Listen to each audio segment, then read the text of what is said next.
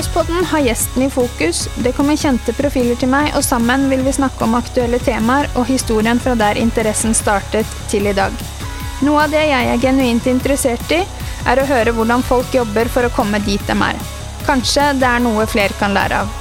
Hva som kreves for å bli best, hvordan de trener, om kosthold og matinntak er noe de har kunnskap om, hvem som har vært der for dem på veien, hvordan fungerer det å være en del av et stort team i innland eller utland, om de høye toppene eller hvordan snu nederlagene. Kort sagt så håper jeg på å komme litt under huden deres i løpet av tiden vi snakker sammen. Selv er jeg bare en MX-mamma, den som skrur på syklene våre og nybegynner på banen. Sammen med gjestene så håper jeg dere vil høre historien deres både interessant og lærerik. Velkommen til Motocrosspodden.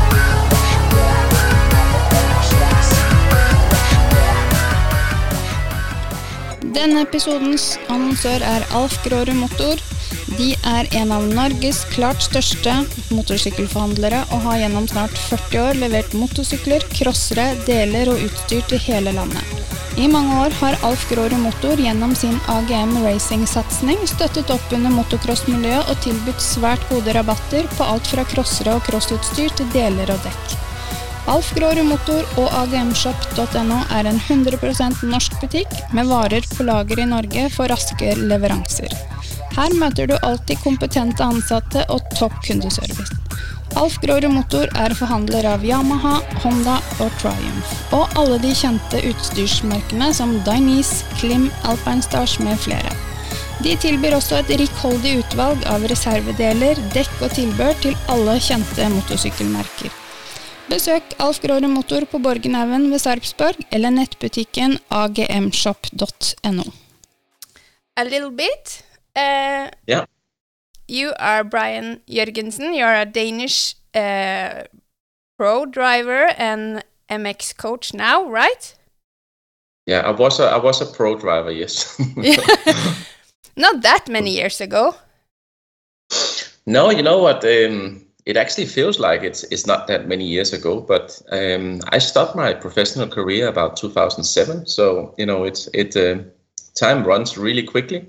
Yeah. But um, if I have to take some of the highlights of my career, I always you know it it was like in my mind it was like not long ago, but uh, it is some uh, some years ago. Yeah, when you see the uh, number year, it's uh, yeah, time flies, and you can see it in your children also. I think. You as yeah, well? Definitely. Yeah, yeah, definitely. So I don't I don't feel so much different from from when I actually raced to now. You know, like in my mind and and body and so. But but time just you know time is passing by like very quickly. You know, I had my daughter's uh, confirmation uh, on on Saturday, and you think 14 years. You know, I got her in uh, in 2008, yeah. the, the year after I stopped my professional career, and and 14 years went by you know quickly. Quickly. And my yeah. father says that it's only the wrapping that changes not the inside. I think he has no, some right yeah that's definitely definitely. Yeah. I, I would i would love to keep keep young in my mind as well. And uh, you know i do a lot of fun things you know. I, I don't see myself as being the age that i am. I love to cycle. I still love to ride the bike when it's uh, when it's possible. And um, and to help other people just keeps me in the you know in a in a good state of mind yeah. i think. Yeah. How did everything start for you? Uh, how old were you when you started uh, riding dirt bikes? Well i was um, i was probably about uh, four years old. Um, my brother um, it's about three years uh, older than me mm-hmm. So, of course, being four years old, I've seen him ride a little bit and um, on some fields. So um, I always asked my mom if I could race and try the motorbike, and she always said no, it was not possible. so she started. Uh, she wanted me to go to uh, to dancing, dancing lesson. So yeah. I went there with a friend. But to be honest with you, it was mostly only because we get like a a little um, cake after the dancing lesson, so I was really looking forward to that. um, but then one day, when I was about four years old, my mom was out shopping, and uh, then I tried to convince my dad that it was a good idea to uh, to try this bike of my brother's. So um, he finally gave up and said, "Okay, let's try it when mom is out." And um, normally, I think when you're four years old, you maybe don't start with a with a bike with six gears. No. So uh, uh, he said, um, "Ah, can you let go of the clutch and turn the throttle slowly?" And I said, "Yeah, no problem." And uh, I got on the bike and um, I said, "Why are you sitting on the back?" He said, "I just wanna, you know, make sure that you can do it properly." He said, "No, no, jump off. I can do it myself." and um, and I just turned the throttle uh, wide open and let go of the clutch, and um, that resulted in I almost lost my my right eye. Oh. So um, I still have the scar here, which is um, um, a big memory of mine. So that was my first meeting with a with a motorbike, and uh, to be honest with you, I think uh, when my mom came home from uh, shopping, she was not too proud. There was blood everywhere, and there was two kids and, and a dad that was not there. We were in the hospital, so I'm sure that evening uh, they kind of agreed that she was right. I should never ride a motorcycle. but um, that's how it started actually. And uh, a couple of months after, I kind of convinced uh, her and my dad again to uh, to go riding, and uh, that's how it started. And you know, we we couldn't get a license since we were ten years old. Oh. So I was just riding on fields and you know, when I was about seven, we, we went to a, a real motocross track and we rode after the other people was finished uh, Oh. riding. And um, that's how I started. And then I was 10 years old and um, I got a license and I started racing. And I remember winning my first race. You know, I never sit behind a gate before. And uh, and pretty much, you know, won every race since I was very young. And the, the year after, I was I was already Danish champion in uh, in the best class in Denmark in '85, and won again in '85 again, and um, and that's basically how it started. Ah, cool. I Mm. mean, it's is it different from Norway because we can take a license when you are 5 years old here. I don't know how it was 10 years ago, 20 years ago, but now at least you have to be 5 years to take a license. Uh, how is it in Denmark now?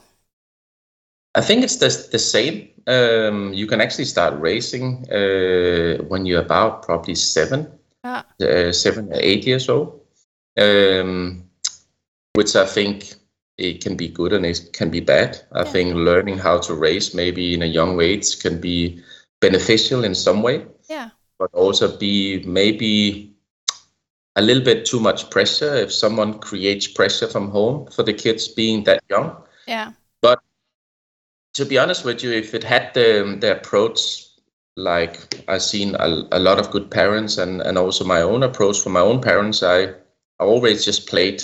You know, Yeah. racing me was was never when I was young very seriously. It was just it was just fun to race other people, and you know Yeah. the ultimate goal was of course to to win uh, Yeah. because that that's what I love. You know Yeah, yeah, yeah. and uh, unfortunately i was i was i was maybe born with a little bit of talent riding a motorcycle i was i was quite fearless i uh, i never thought racing and riding was something that i could get hurt of you know and Ah.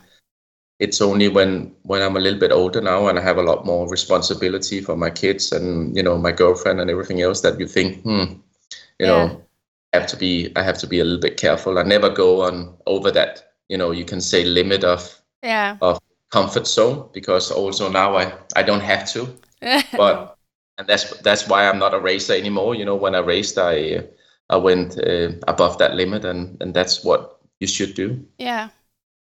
So but I think you know back to the questions I think you can start racing at a quite young age and uh, and and I think uh, just have fun with it when you when you're really young Yeah, I think that is also uh, the most important thing is for the youngsters to have fun. It's it's not about uh, racing, not about winning, not about the trophies. It's about having fun, uh, eating ice cream with your buddies, uh, just playing around in the uh, depot.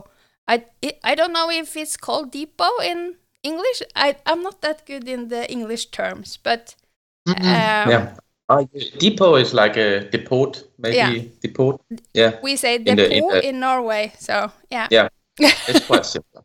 Yeah. No, but you're you're absolutely right. I think you know, of course, there was a a lot of years when I was young where it was just really fun, and then you came up and when I signed my first professional deal to go in the World Championship, it became you know a hobby to to a living, and then of course things becomes a little bit more seriously.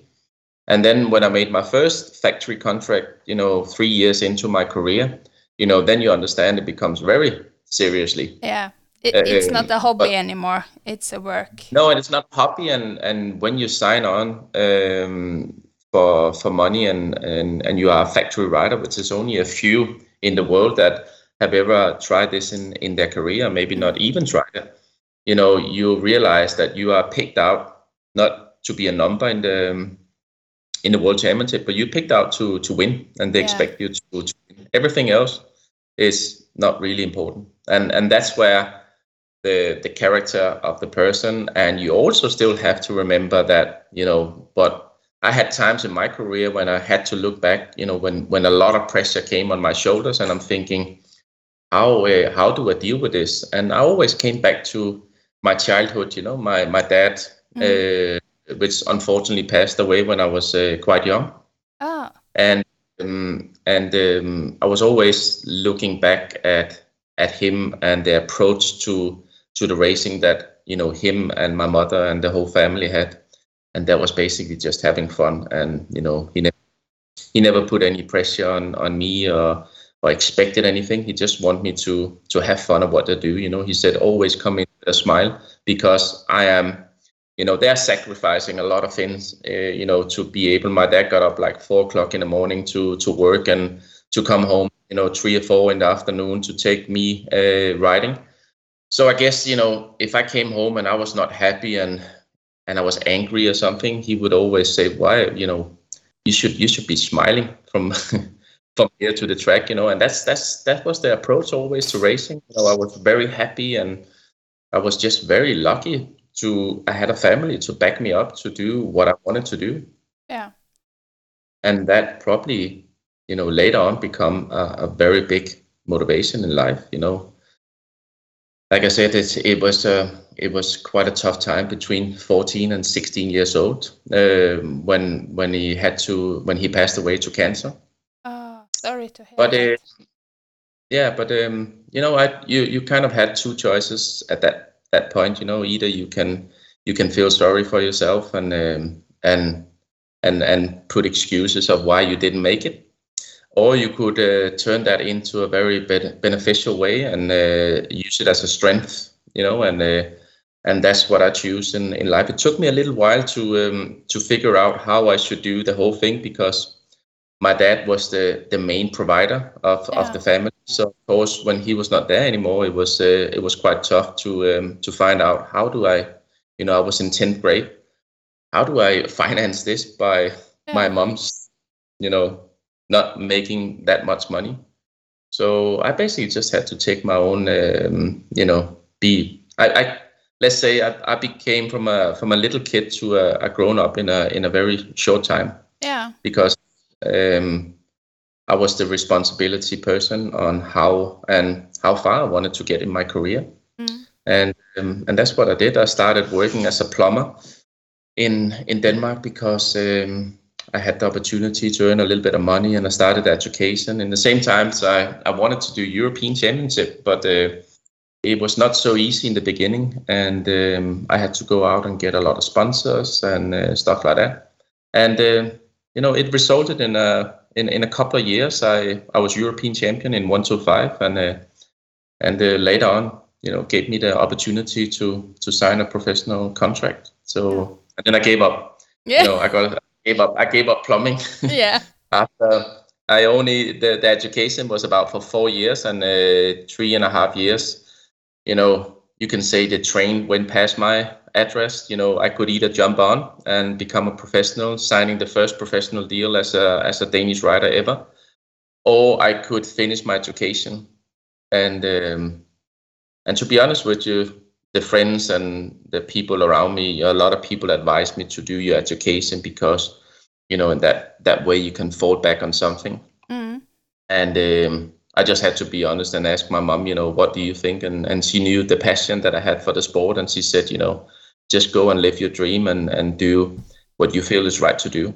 Yeah. So that's what I did. And uh, you know, to be honest with you, I didn't when I uh, when I bought my ticket to fly to the UK to um, to sign the the contract. Um, I didn't have money to fly back, so, uh, cool. so there was basically there was no option of failure.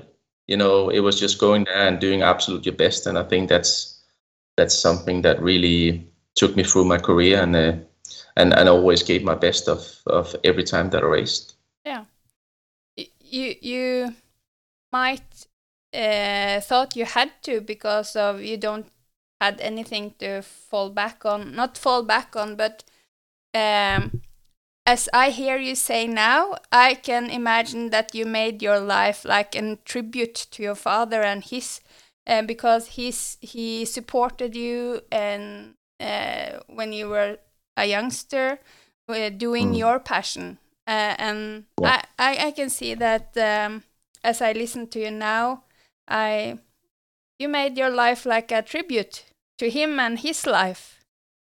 Yeah, definitely. It was definitely a tribute, and and I don't, you know, I'm not very. Uh, I don't believe in a lot of things, but I do believe that hard work pays off, yeah. and I do believe when, especially when my dad passed away, that um, he was not there physical with me, no. but you know, if if someone have seen me start uh, from the past, you know, always look up to the sky and always, you know, pointed at him, yeah. and um, and that was my strength and that was my belief um, of me and him. You know, let's let's do this. You know, because yeah. we know that motocross can be can be dangerous in in any level, and uh, and that was my belief. You know, I knew always he was with me, and um, and that gave me a comfort that I will just go out and just do my best, you know, and and whatever happened would happen. Uh, so I was never afraid of starts. I was never afraid of racing. I took the risk which I felt was necessary to to be one of the best. Yeah. But um, it was more. It was a tribute to him for sure. But it was more like respect. You know, mm. I felt that if I gave up on something without giving my 100% effort, you know, I felt that he would be looking back and pointing. You know, so this is what you give me back you know yeah, yeah. so uh, so to be honest with you many times that i i did training or, or hard training and it was tough and you know you get injuries and and so on i was always thinking about him and his voice saying you know get up you know mm. this is this is not what i what i um, i work so hard for that you're going to give up just because you get a little bit of um, some things against you you know a small injury so um, it, it was a uh, it was you know nobody wants their family to to pass away in a young age. Um, but I learned a lot, yeah. you know, from being, being that person and uh, and learn how to get through struggles in life, and uh, and and try to take the the most positive things out of it, and um, and overcome. You know, for some people, that's almost impossible, yeah. and uh, and and you know believe in yourself of and the process to actually get there and i think that's really really important because i didn't have you know when people say yeah you were you were talented you were maybe really lucky but i was none of those things you know i was maybe a little bit of talent. But i think the talent came from from working hard and and realizing that i had to be humbled and i had to learn a lot from other writers because i didn't have any danish writers to learn from basically. So I had to take everything from scratch and just yeah. learn as I go and make uh, a lot of mistakes. and um, and um, luckily I got away with it. You know, I, I I didn't have a lot of injuries. I didn't have any like really big injuries. Uh, so that was um, hopefully you know maybe I've been lucky and maybe I just prepared good enough.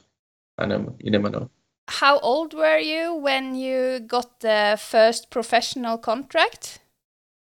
I was actually quite old at, for the same reasons, you know, because like from when I was 14, when I moved up to the 125, that's where my my dad got diagnosed with a with a brain cancer, and um, you know, so I had I had big plans in my head before that, and um, and after I could say that, you know, everything kind of folded, uh, fell apart, you know.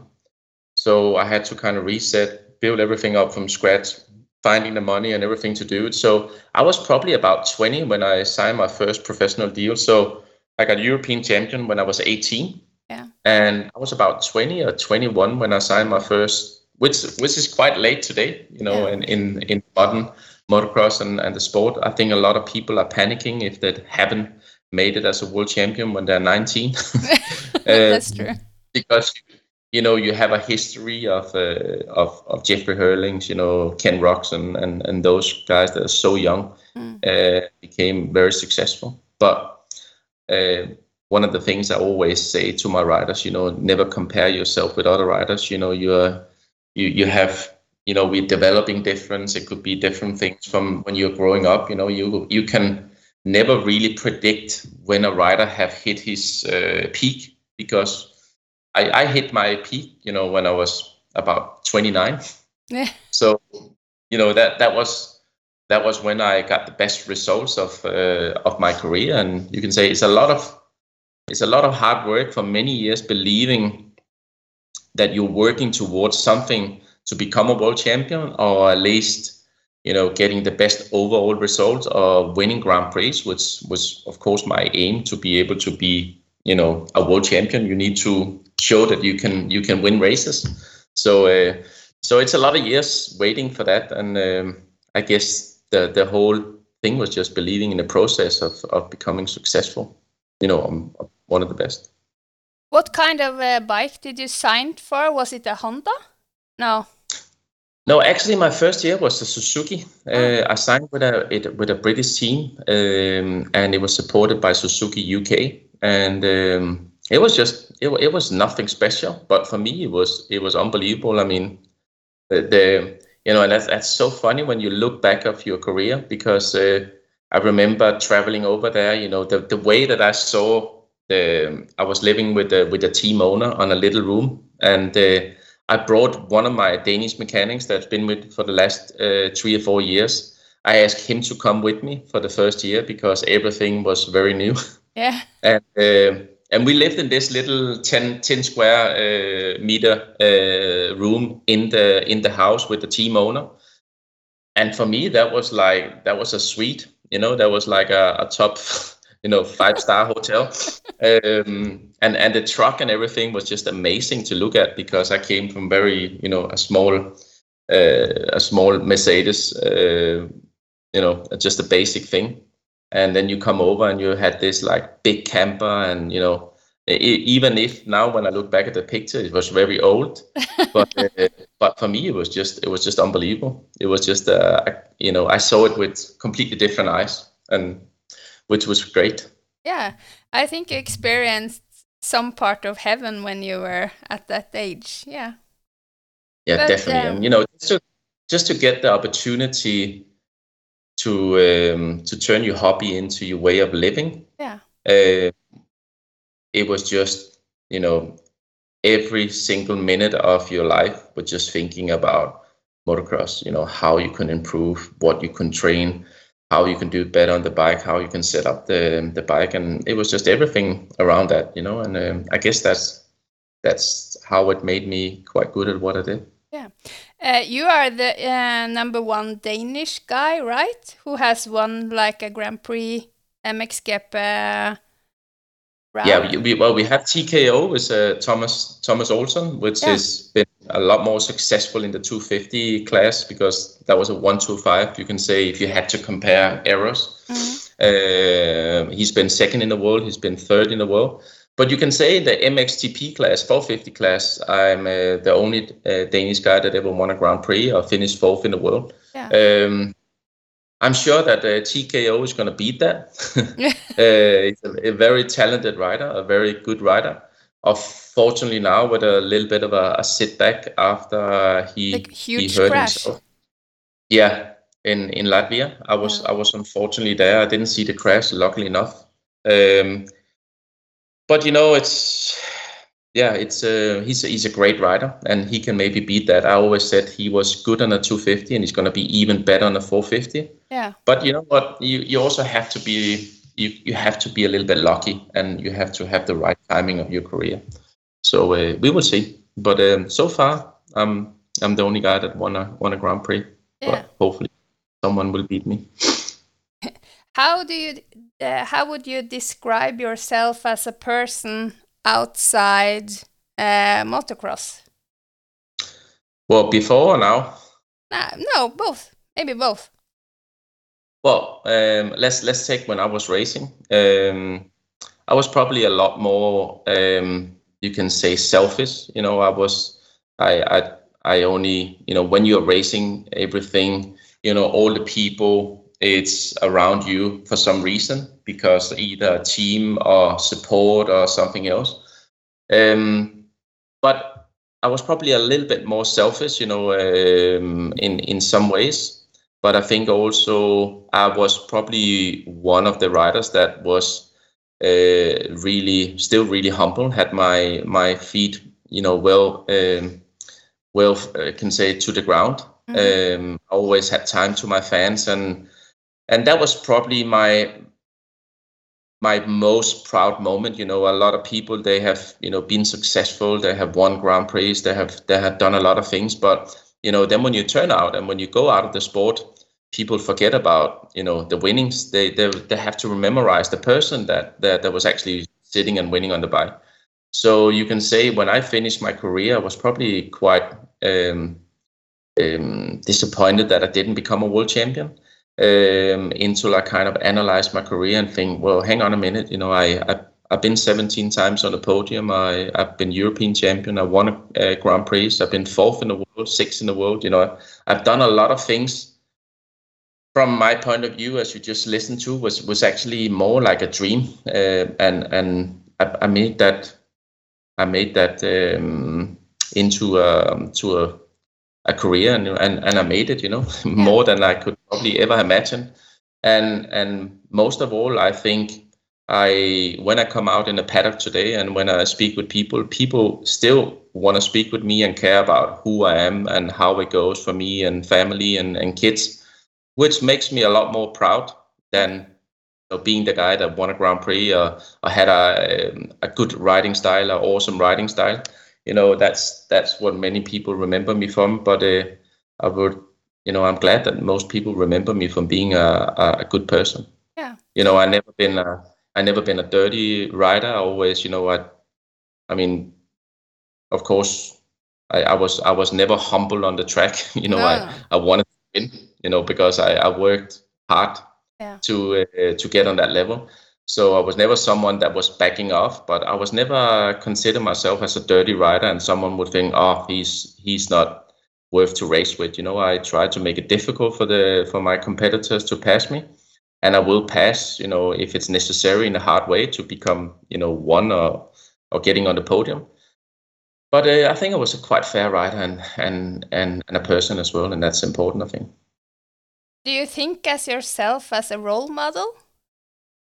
Yeah, definitely. I, I think I'm, uh, you know, I, and that's one of the most important thing when I, like I said, when I stopped, I was a little bit disappointed until I started analyzing my own career, and I think, yeah, yeah but you you can only do your best, and I definitely knew and know today when I've seen back, and I started working with TKO and the Danish uh, riders.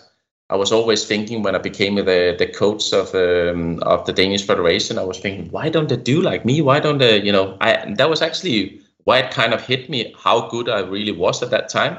Yeah. And and how difficult it is to reach that level that I was on. You know, when I became fourth in the world, everyone was like congratulating me. Oh, it's unbelievable! You finished fourth in the MXGP class, and I was like, really? You know, I want to be third.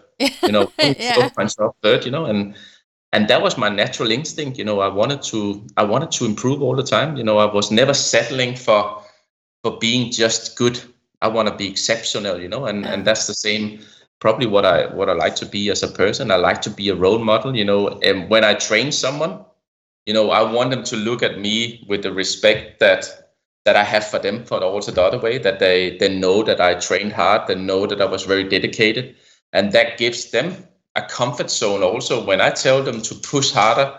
I know I can do that because I was one of those person that put all that work in. You know, yeah. I I didn't think that thing will drop down for the sky and maybe next weekend I will win.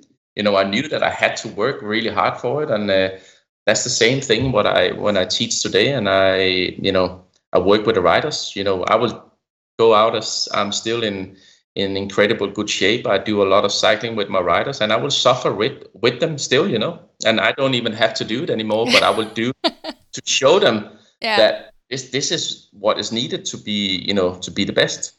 Yeah. And uh, I did that in the past, you know, cycling, training, riding on a motocross bike. Now I don't ride as much uh, on the bike as I did before, of course. Um, but I will still go on the bike and show some technical details that um, if I feel the riders can, they maybe don't understand it in verbal, yeah. I will try to show it on the on a motocross track, and um, go cycling with them. And when we had to do hard work, I mean, I would be more than happy to come there and yeah. and, and push them, or you know, at least suffer with them. And I think that's uh, that's something I still have, and probably still keeps me quite young. That uh, yeah. still have that desire to. I love to push myself and I know that's the that's what you have to do in the sport to improve. Who were who were your role model when you were a little guy? When you started, did you look up to someone?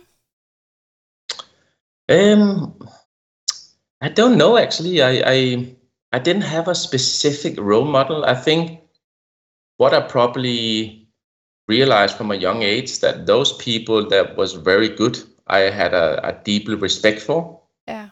Um, and and I had more respect later on in my career when I when I got professional because I'm thinking, wow, I thought I I worked quite hard to get here, but now I'm in the world championship and I I actually have to do 50% more than what I thought I was capable of doing physically.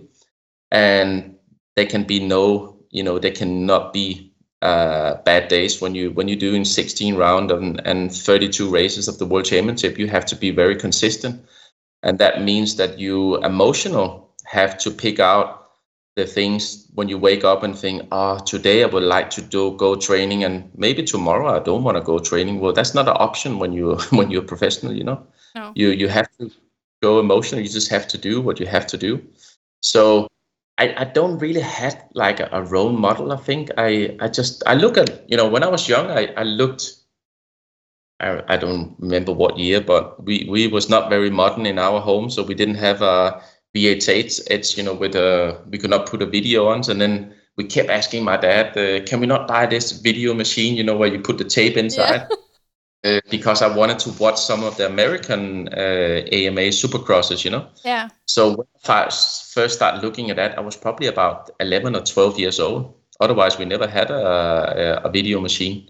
And then I started looking at the, the way they were riding and and I already have a little bit of a natural style with my elbows up like this. Uh, and my dad always used to say to me, "Get those elbows down. It looks completely ridiculous," you know.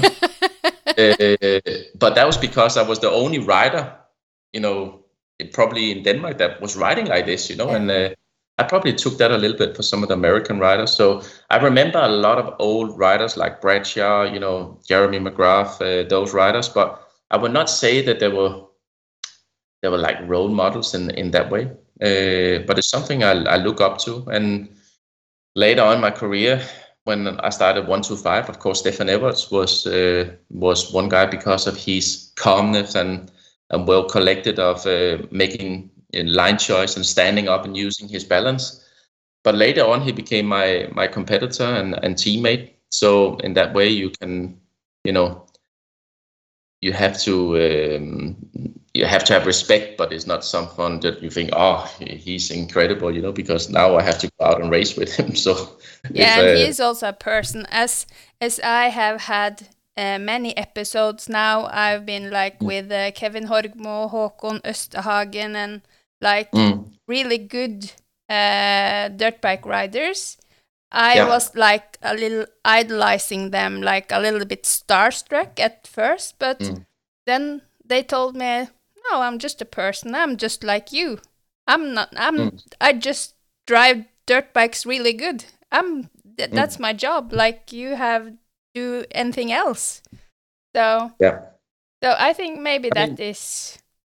I think uh, the one I have met, at least, they have been really humble and down to earth, respectful. Yeah. yeah, I think everybody is that. At least the I one. Think it, I think you have to be that, you know, and and um, I definitely have a lot more respect for people that are very good at what they do. It doesn't matter if it's business or school or any other sport. You know, I always look at the sport, and I never had um, what we call in Danish we call it janteloven. I don't know what you call that in in. almost you know, the same, janteloven. Yeah.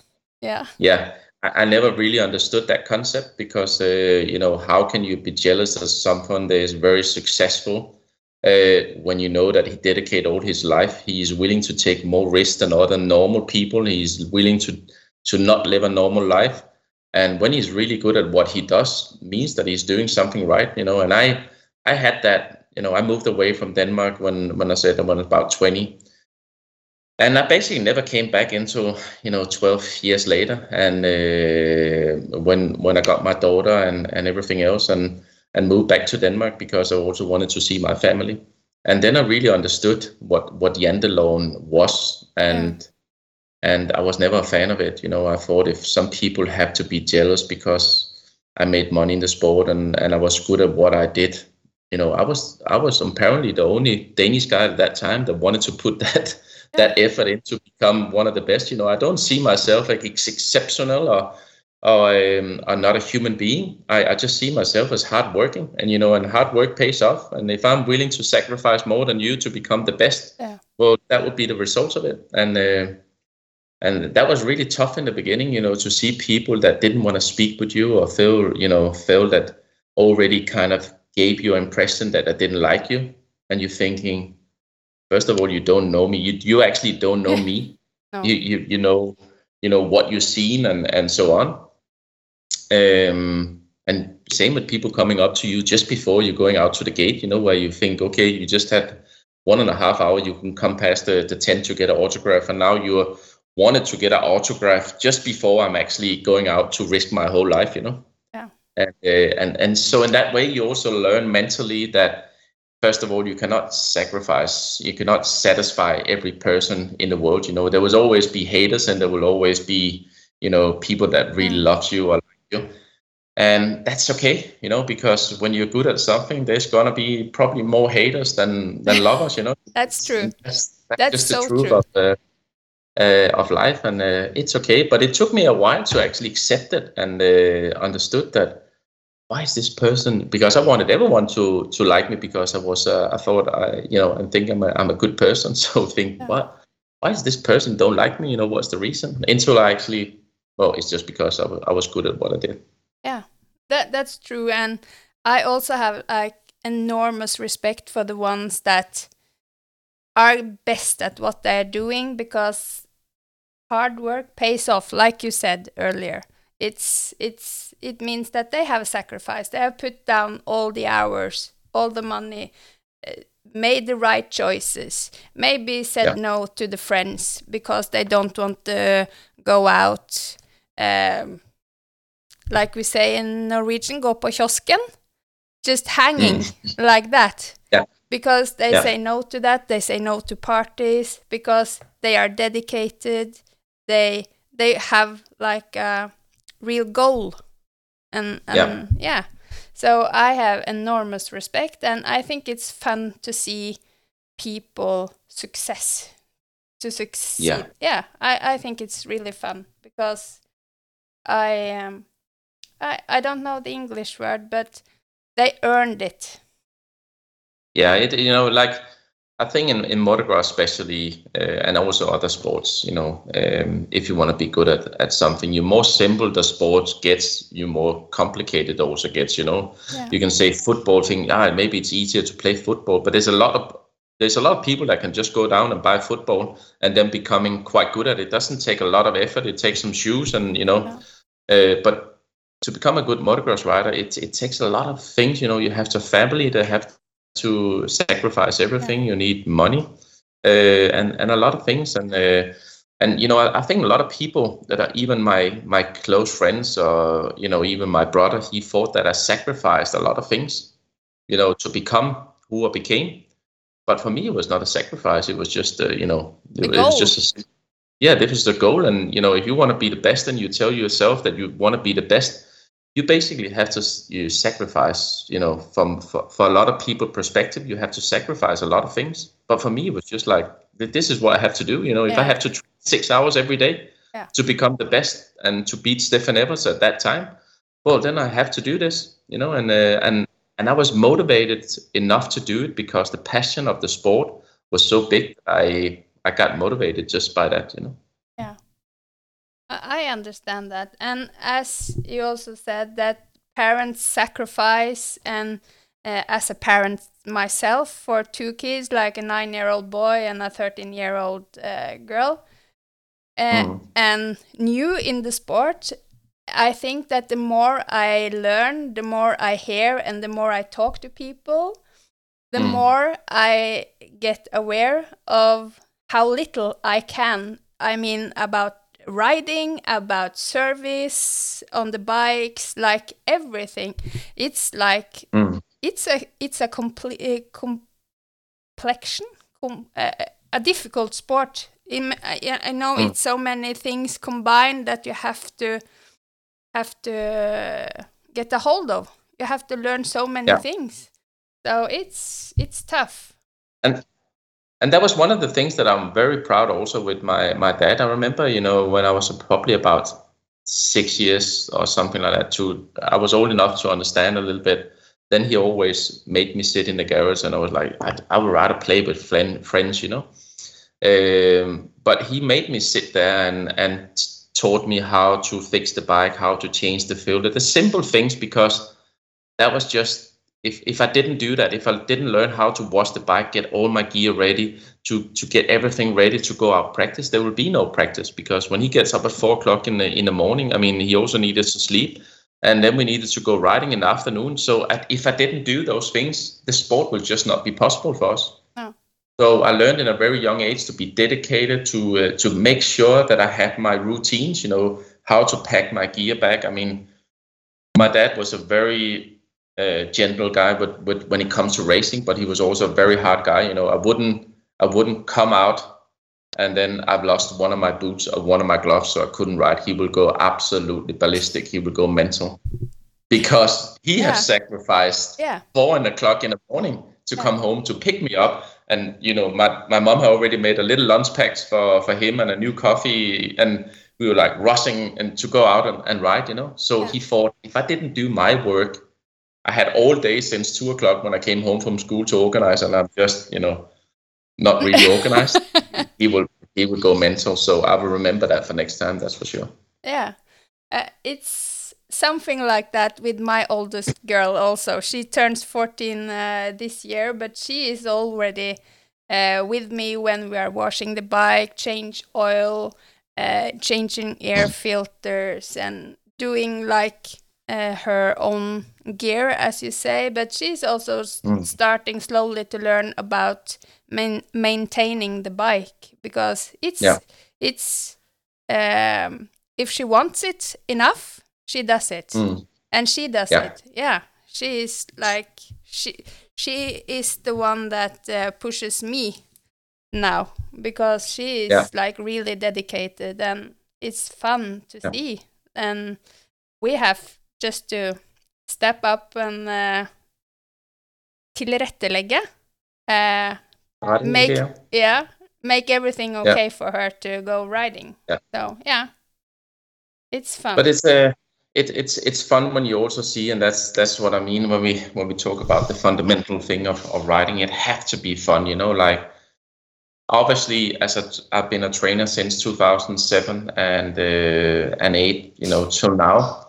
Um, I also see a lot of families that maybe forget a little bit about having fun, you know, and I'm, I'm and I'm I'm sitting there or standing on the side and thinking, why? You know, it's like cost a lot of money, it's a lot of dedication, and you know, I have never I have never involved crying in, in motocross with my sport. You know, I, I, I of course if I have really hurt myself, I will be crying. You know, but I never cried over my results. I never cried because I was really sad because I just thought, okay, I have to do it better for next time, you know. And and my family was also you can say supportive in that way that when I didn't have a good race, they never came and said to me, "Yeah, I knew you could not do it, and you know you are not good enough to this."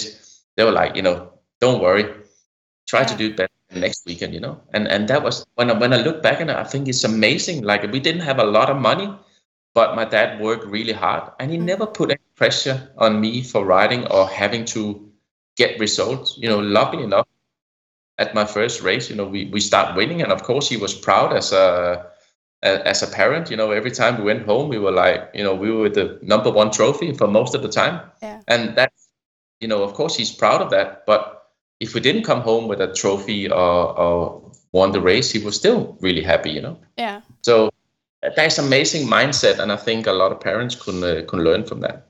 Yeah, I think so too, because we see it also here in Norway, like. Uh, some people pushes the kids a little bit too hard and mm. um, i you know my youngsters the, my boy at nine he is like happy-go-lucky he dr- he just mm. loves uh, sitting at the gate listening to a sandstorm being with his mm. friend he is happy if he got 10th place or first place yeah. it doesn't matter because he loves the mm. the whole uh, situation, the whole uh, atmosphere, all his mm. friends mm. like this. And then you got a girl that wants to do something. And she has yeah. more pressure on herself, not from us, but on herself. So we have to, as as, and I think it's a difference uh, with girls versus boys because I think mm. girls drives rides with uh, with more emotions. Mm. I, I think it's a difference between girls and boys because the girls have more emotions, we have more not dedication, but we have more passion or feelings and mm. Yeah, I think it's a little bit different between the boys and the girls. Have you experienced something about that? Um, not so much, to be honest with you. Um, but but what I do see is that, like you said, the the the girls are probably a lot more aware of their technique. They're not as crazy. They take they're a lot more patient, mm. and uh, the end of the day, they are probably as tough as as men or boys are. Uh, but I think that just to be honest with you, like when you see like a 13 year old boy and a 13 year old uh, girl, I think the matureness is just you know so high on a girl you know when she's 13 i see that for my own daughter as well you know how fastly they they they grow up between 12 and, and 14 or 15 you know. It's just where if you take the boys in the class they're like you know still tinkling around. They don't know what they're doing you know yeah and um, but yeah i don't have so much experience with uh, with with training uh, girls or, or, or, women but I, I, definitely think they're a lot more smart and when it te- comes to technique as well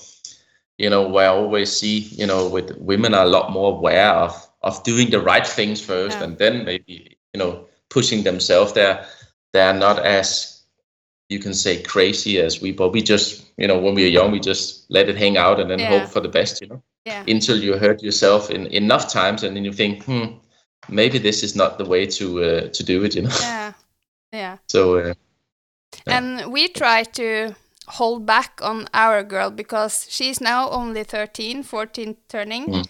but as we say to her it's you don't have to be good before you are 15 16 take it slow mm. don't rush you have a good yeah. time you have plenty of time but she wants to do it like this you know but mm.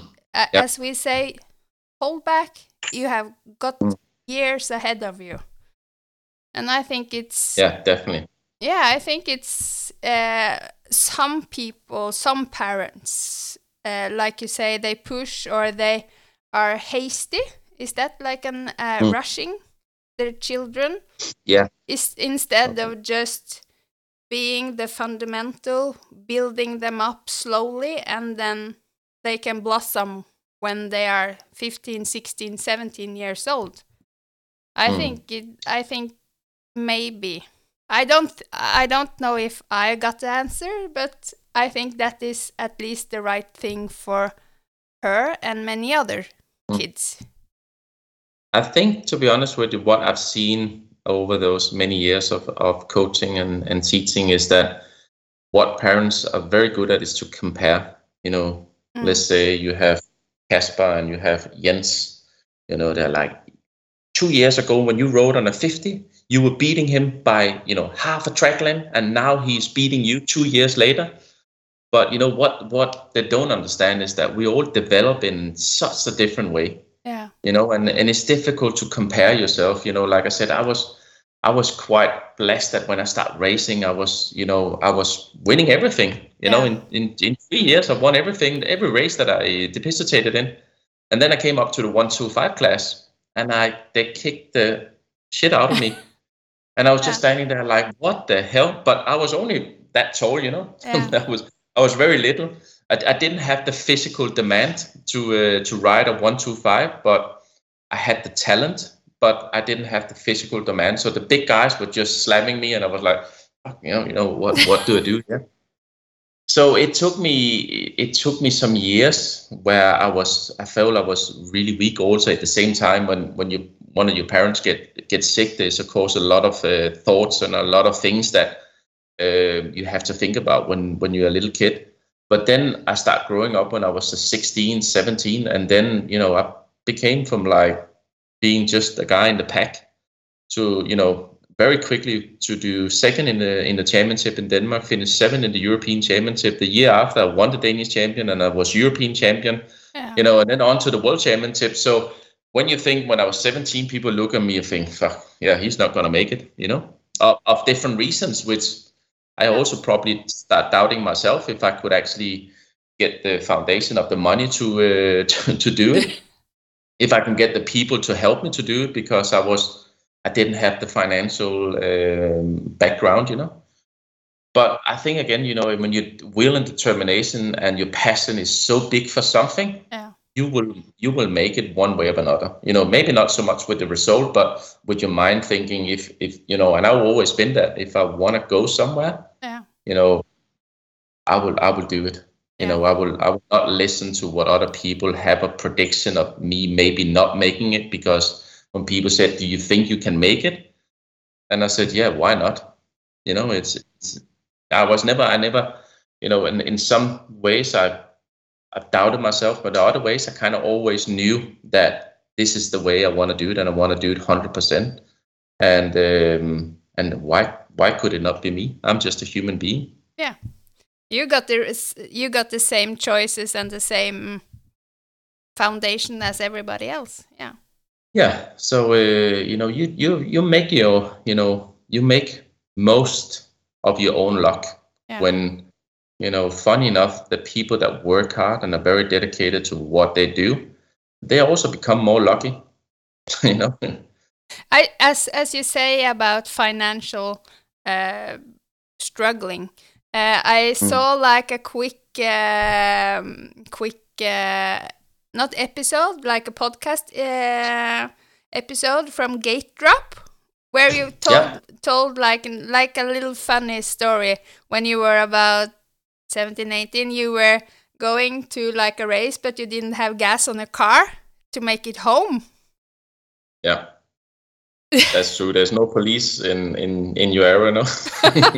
no but yeah, you know that was that was the financial struggle that I talk about. You know, if I didn't qualify at my first European Championship, I basically, you know, had to uh, hide a, a in in in the camper. And and what I used to do actually, my mechanic was was a friend of mine. He he drove out with me, and he never knew anything about my my financial, um, you know, how I was financially. So when I didn't qualify we we went into this when I was driving out. I was always like through Germany. If it was a Germany we raced, I was always trying to note a little bit. When I seen many trucks with the same name, I thought that must be a big company. So I thought they cannot, you know, if they if they had to lose like 50 or 80 liters, they would probably not break down, you know.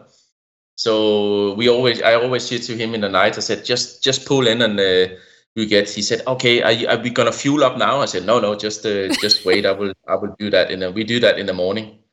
And then when he was fast asleep, I would like get out of the the the, the van, and then I will take this hose and I will suck vacuum in it, and I will put it down in a in a truck, and I had to get it in my mouth and Yeah. Was like spitting it out and then getting that vacuum and then fill up the the car because otherwise we we you know realistically we could not get home. But I didn't want him to know because I didn't want him to say, oh, I'm, I'm gonna pay, you know. No.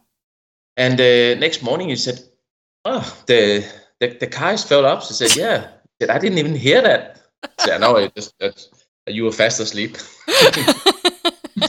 so uh, but you know that's that's what I talk about. You know, it, it was it was not a, a a clever thing to do, but um, that was that was my option. You know, Yeah, and either I do that.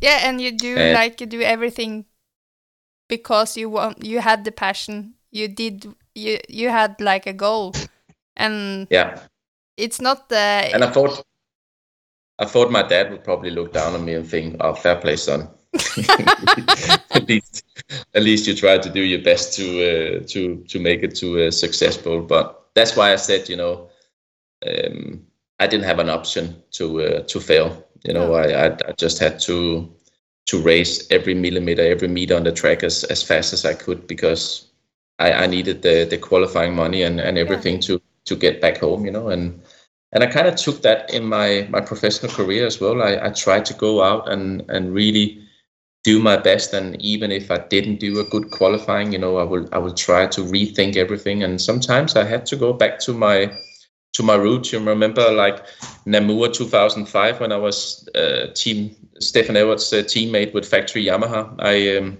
I qualified 20th, which was my worst qualifying ever in the MXGP class. And I was about 13 seconds slower than than Stefan Everts and Michael Pichon. You know, that's a lot That's uh, a lot. time to on a lap. And uh, I remember going into the to the press office, and uh, people would interview and you, and you had the Stefan Everts, you know, interviewing him, and he said, "What is your plan for tomorrow?" And he said, "Yeah, you know, I'm gonna gonna win the race. You know, I I never been beaten on on Namur track. It was a very special track." And uh, yeah, that sounds realistic. And then they came around to me and they said, "Brian, you're a factory rider from Factory Yamaha L&M. What is your uh, what is your strategy for tomorrow?" And at, at one point, you know, I never wanted to be cocky and I didn't want it to be, you know, put more pressure on myself. But kind of it just flew out of my mouth uh, because they already mentioned that I was qualified 20th. So they Yeah. they were like kind of not laughing, but you could you could see Stefan Everts was like, yeah, fuck, you know, idiot. So it kind of just flew out of my mouth, and I said, "Yeah, you know what? I'm just gonna do Brian Jorgensen. I'm gonna do two Brian Jorgensen magic starts, and I'm gonna holeshot both motos, and and and you know, and and try to win the the race." and the, and the press was like, "Oh yeah, yeah, yeah. That that sounds realistic. You know, you could just feel that they were saying that. You know."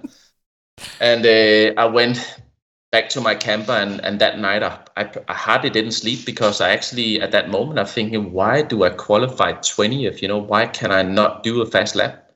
Why what you know? Am I am I finished? Is my career finished, or what is happening? You know.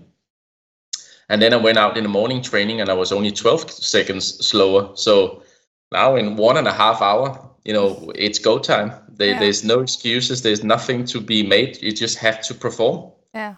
and um, and uh, I, I went out to the to, to the gate and I, I, I kind of believed in everything what I did in life. I always believed it into something is proved in, in a different way. Hmm. So I went out and uh, I went around the first corner and I just went ab- absolutely wide open and uh, I came out of that first corner first, which was almost impossible Yeah. because they put the gate a little bit so you that means that they were wanted the best riders to race against each other for the first lap. Ah, yeah. So the people that qualified, they put the gate with a little bit of an angle, so it was shortest way to the first corner. And I was out next to the box.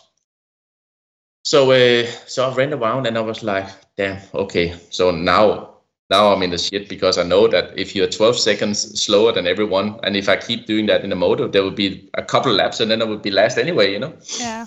So I just kept my focus. I never looked at my pit board. And uh, 25 minutes into the moto, I was still leading, and I was thinking, "Where is everyone?" I couldn't see anyone on the track, or and uh, and then I look. I saw. I better look up on the pit board and see how many of a second I have. And I had 22 seconds. gap to uh, to Stefan Everts, and I won the first race by 18 seconds. Where thinking oh. the day before I was 13 seconds slower. Yeah. So you know, I, I, had some amazing you know rides in my career, and you know, probably what I'm, I'm most proud of because I think you know my positivity and my my mindset to turn things around when things are really bad. Um, it's probably more important than actually winning a world championship. You know, because I've been in many struggles in my life. Mm. Uh, uh, you know, with my my first struggle was my, my dad passed away, and the second thing was was last year I lost my mom to exactly the same disease, uh, brain cancer, but just another side of the brain. So you know, it, it's it's life is never easy, you know, and and it's uh, other people have problems as well, and and I think the the most important thing is how you deal with it and and how you can turn things away from being you know negative to positive and uh, it was not nice to to lose my dad but then you know when i lost my mom was was probably even tougher in for some reason uh, because he's always been very supportive of my career.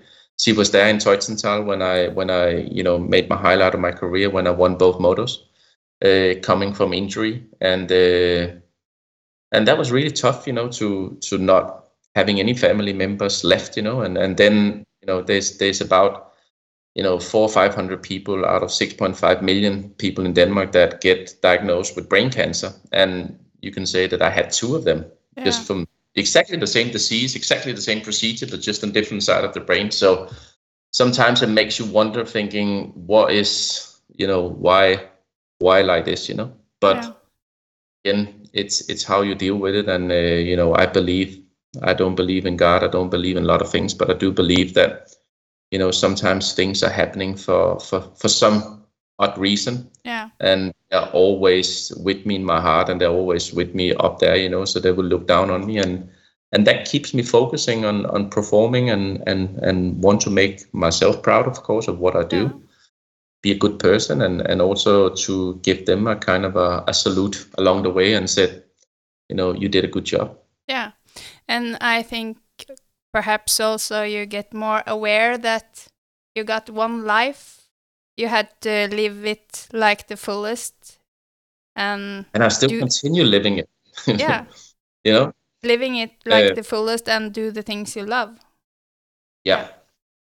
And that's the that that's one of the thing you know like it, it goes one and a half year ago she was like fully fully fit and and she was also very energetic you know she never had a person that actually complained uh, about anything not even financial when we were young or being i never seen my mom sick for example. That's that was just unbelievable. Um, so you know she, she learned me a lot of things in life and um, and she will definitely be uh, very missed for, for the rest of, of my life. But like i said i believe she's there somewhere and uh, just have to get the best out of it and and hand over those positive vibes and, and everything to our own kids and uh, and try to to uh, let them understand that life is just it's just tough sometimes, but it's okay. You know, it's okay to be tough because we learn a lot by. You know, yeah. when we are struggling, we learn to uh, to deal with with things in life. Yeah, that's true. I try to learn that to my children that life is life is not easy, but you have to do the best you can. If we can't yeah. do anything else.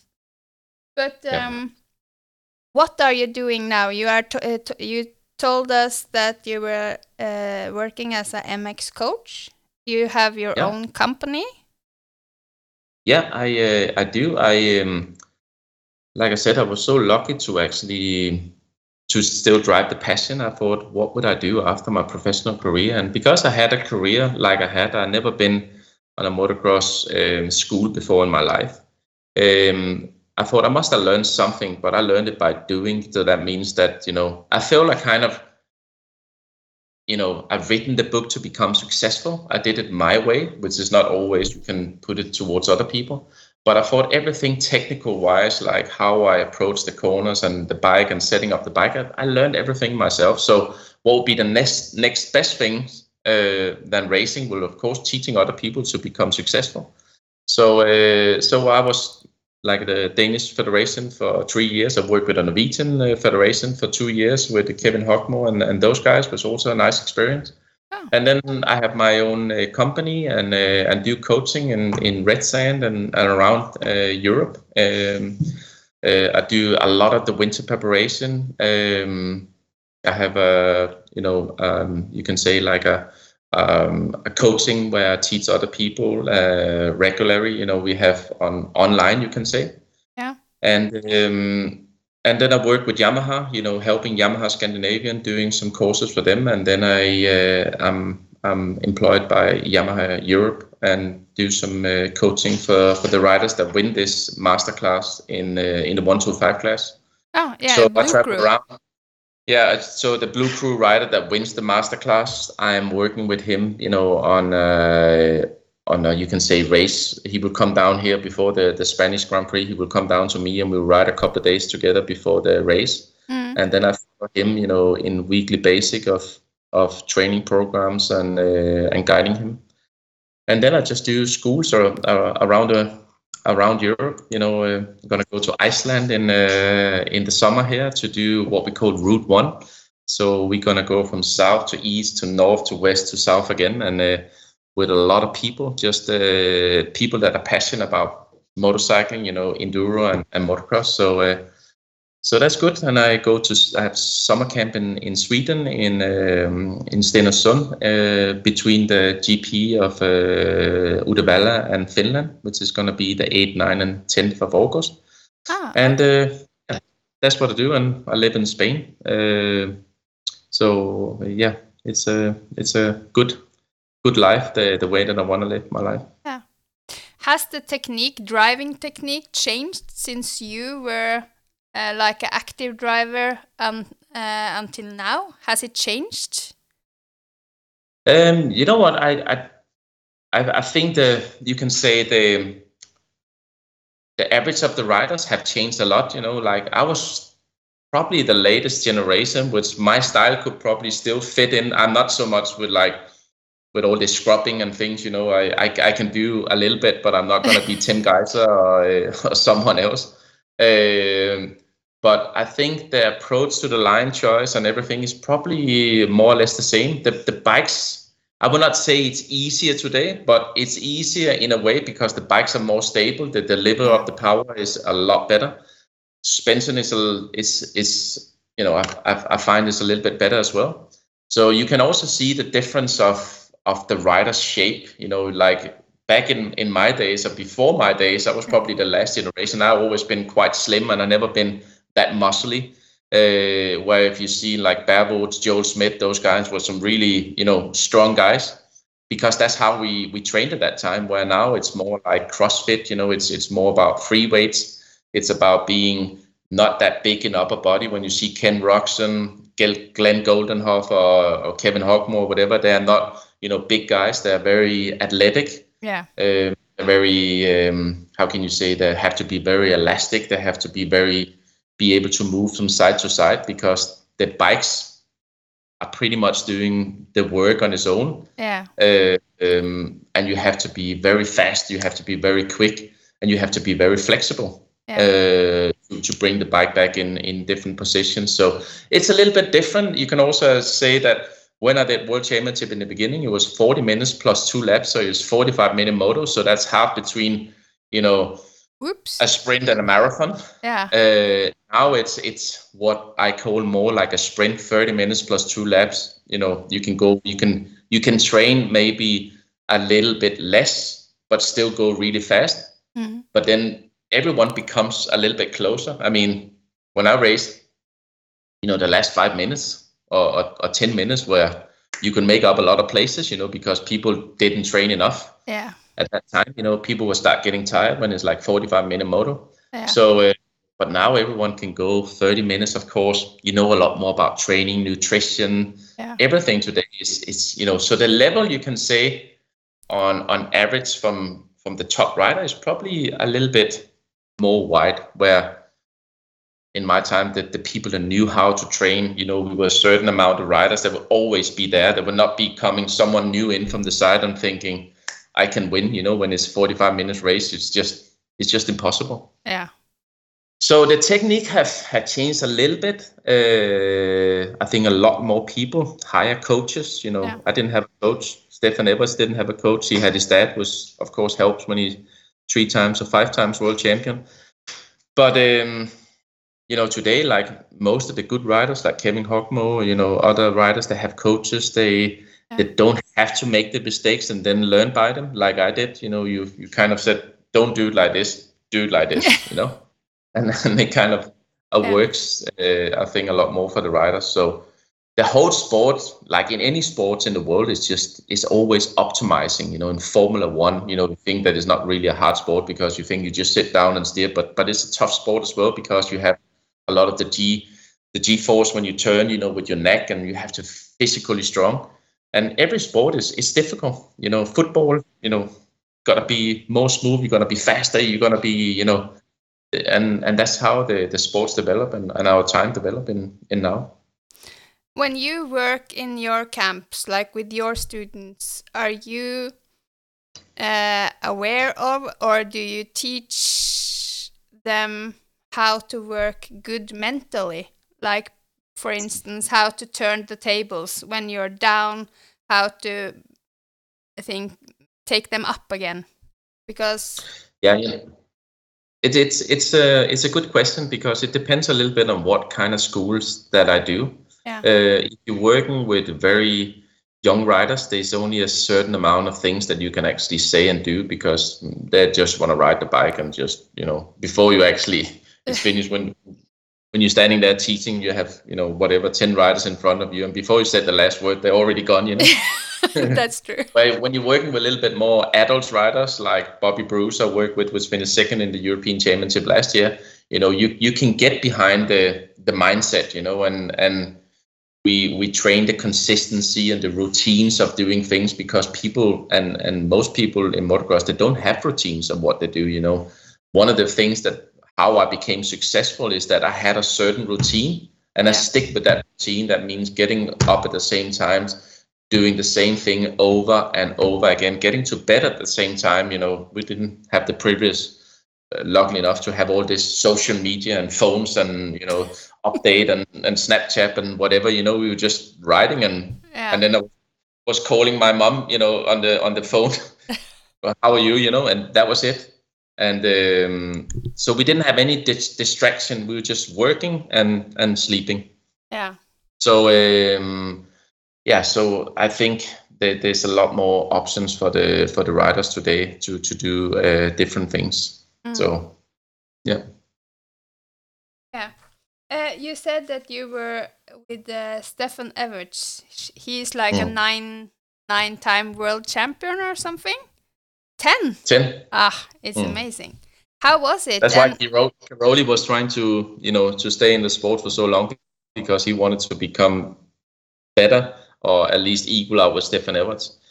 But um, Cairoli won nine times, and Stefan Everts still won the, the most time, 10 times, which is, I, I don't even understand to this, this day today how you can put 10 seasons together and, and win, win them all. It's amazing. But how long were you a teammate with him?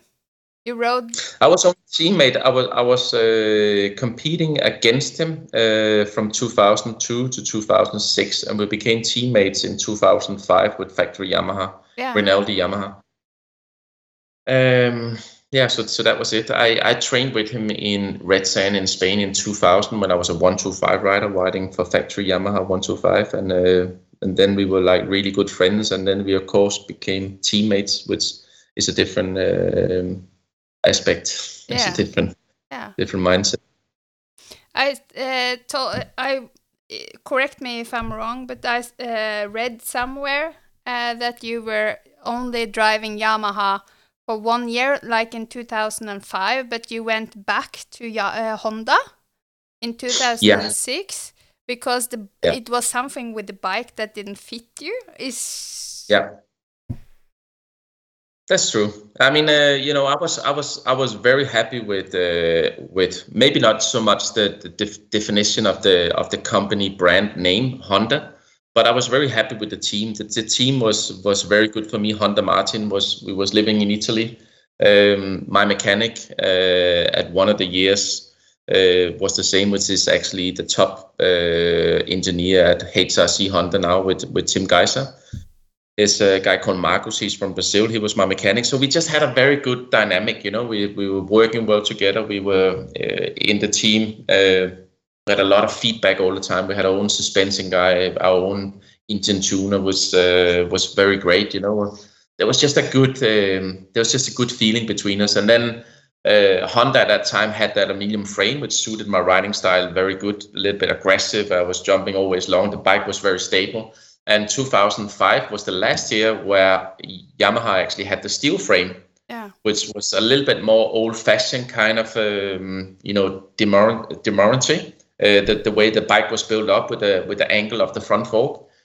And uh, it just didn't suit my riding style. I cannot say that bike was bad because when one guy have won on that bike the last three years, of Yeah. course it's not Uh, yeah.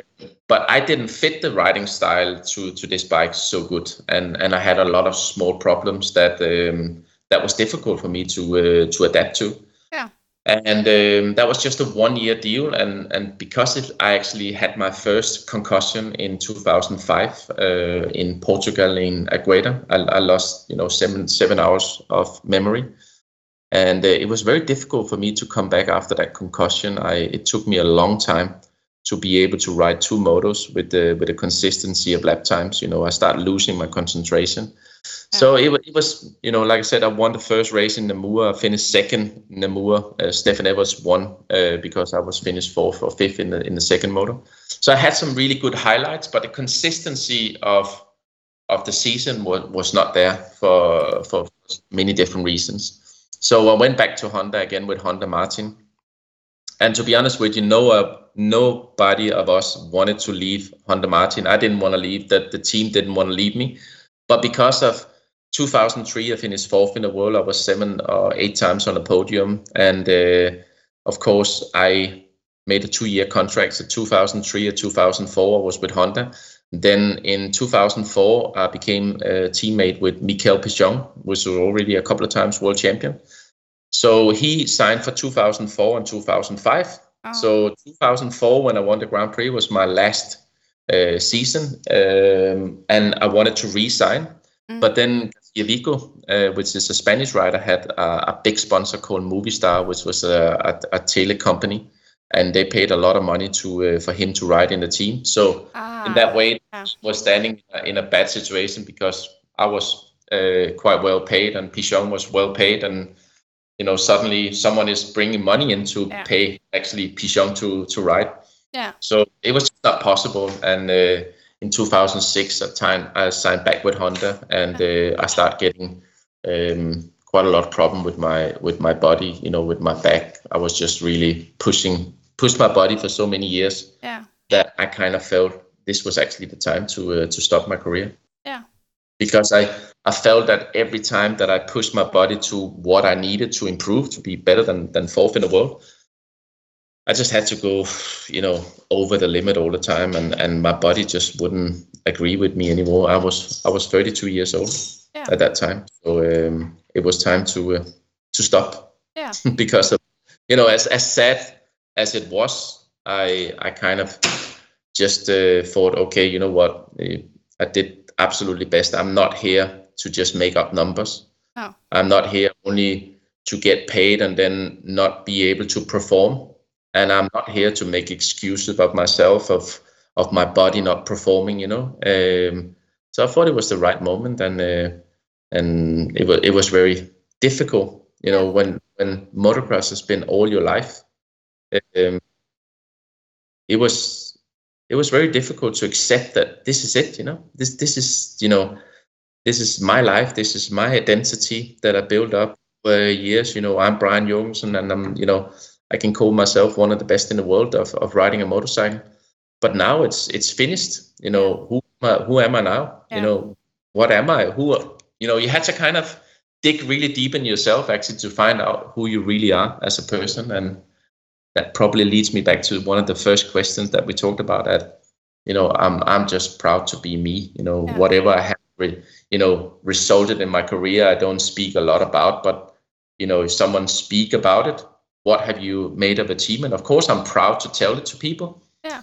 but I think that the, the most important thing is actually the story, how to get there. You know, it's not actually talking so much about what I have actually achieved, but how I achieved it and how I became successful with very small options of making it. I will I will say that's fair enough to say. Yeah. And uh, and that tells a lot more about uh, me as a person, and that's probably more usable towards riders to actually say, "Fuck yeah!" But that struggle that you're just in now, I've been in hundred times. I have dig myself out the biggest hole that you can ever imagine, and I came back and I won. You know, and, I won races after injuries where I thought this with this. You know. Yeah really important for me as a as a person uh, that and also for teaching that I want to be a role model. I want to be an inspiration for most people um, because I made the impossible happen. You know, I, I made a dream into reality, and uh, I think that's an important story to tell the young writers Keep believing in what you do, and keep believing in yourself, but also understand that this sport is a tough sport. But if you succeed whatever reason, it doesn't have so much to be in result, but it's if you succeed in some of your goals, I think it's it's it's it's moments that you can take with you with you to the grave. You know, I'm probably still when when the day that I, I hope it takes some some years before I die. yeah. I hope people will, you know, and my kids will will memorize who I was and, and who I am and, and how hard that I work for something and uh, and I want them to be proud and be respectful you yeah. know, for that. And I've shown that impossible can be possible if you if you want it enough. Yeah. That was almost my uh, last question about the uh, tip for youngsters, but you did already answer it. So yeah, uh, yeah. I, I can uh, I, I can say first of all, you know, have a dream. Yeah. You know, it, it and never dream. You know, there's never any dreams that's too big for not achieving the only thing you have to realize that you have to set small goals to get there you know? And and if you look back at my career i probably felt that i can i can present my career as being quite reasonable you know with i had a dream to become the best in the world but i had to be danish champion. Okay yeah. tick you know? Yeah. i had to be european champion to show i was the best in europe tick.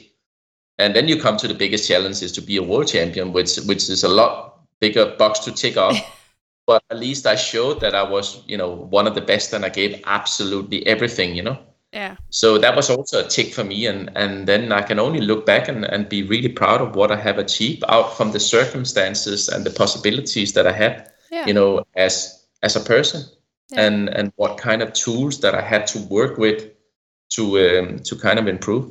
Yeah. And uh, like I said, I think that's that's really important. So to do all this you need goals you know you need dreams and and you need routines. You know that's the most important thing what i teach a rider you don't don't get up and just train today because you want to feel like you want to train.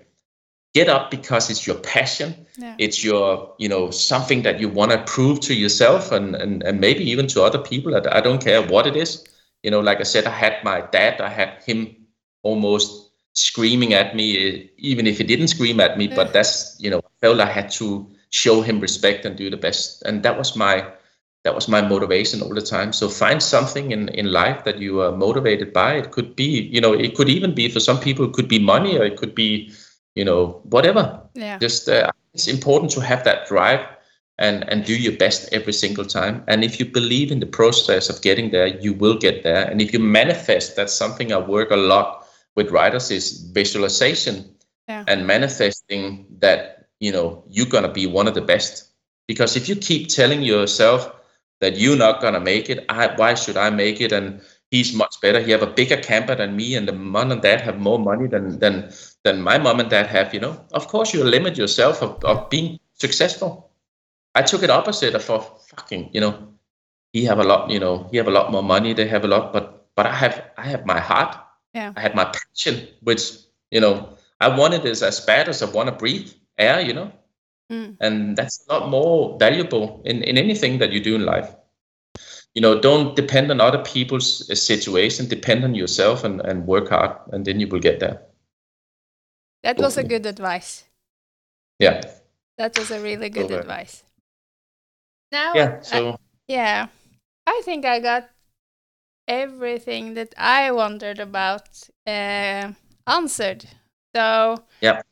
Now I just want to say thank you, a huge thank you, because you could come and uh, join me for a new episode. So Yeah. it was, that was really a, that fun. was a pleasure.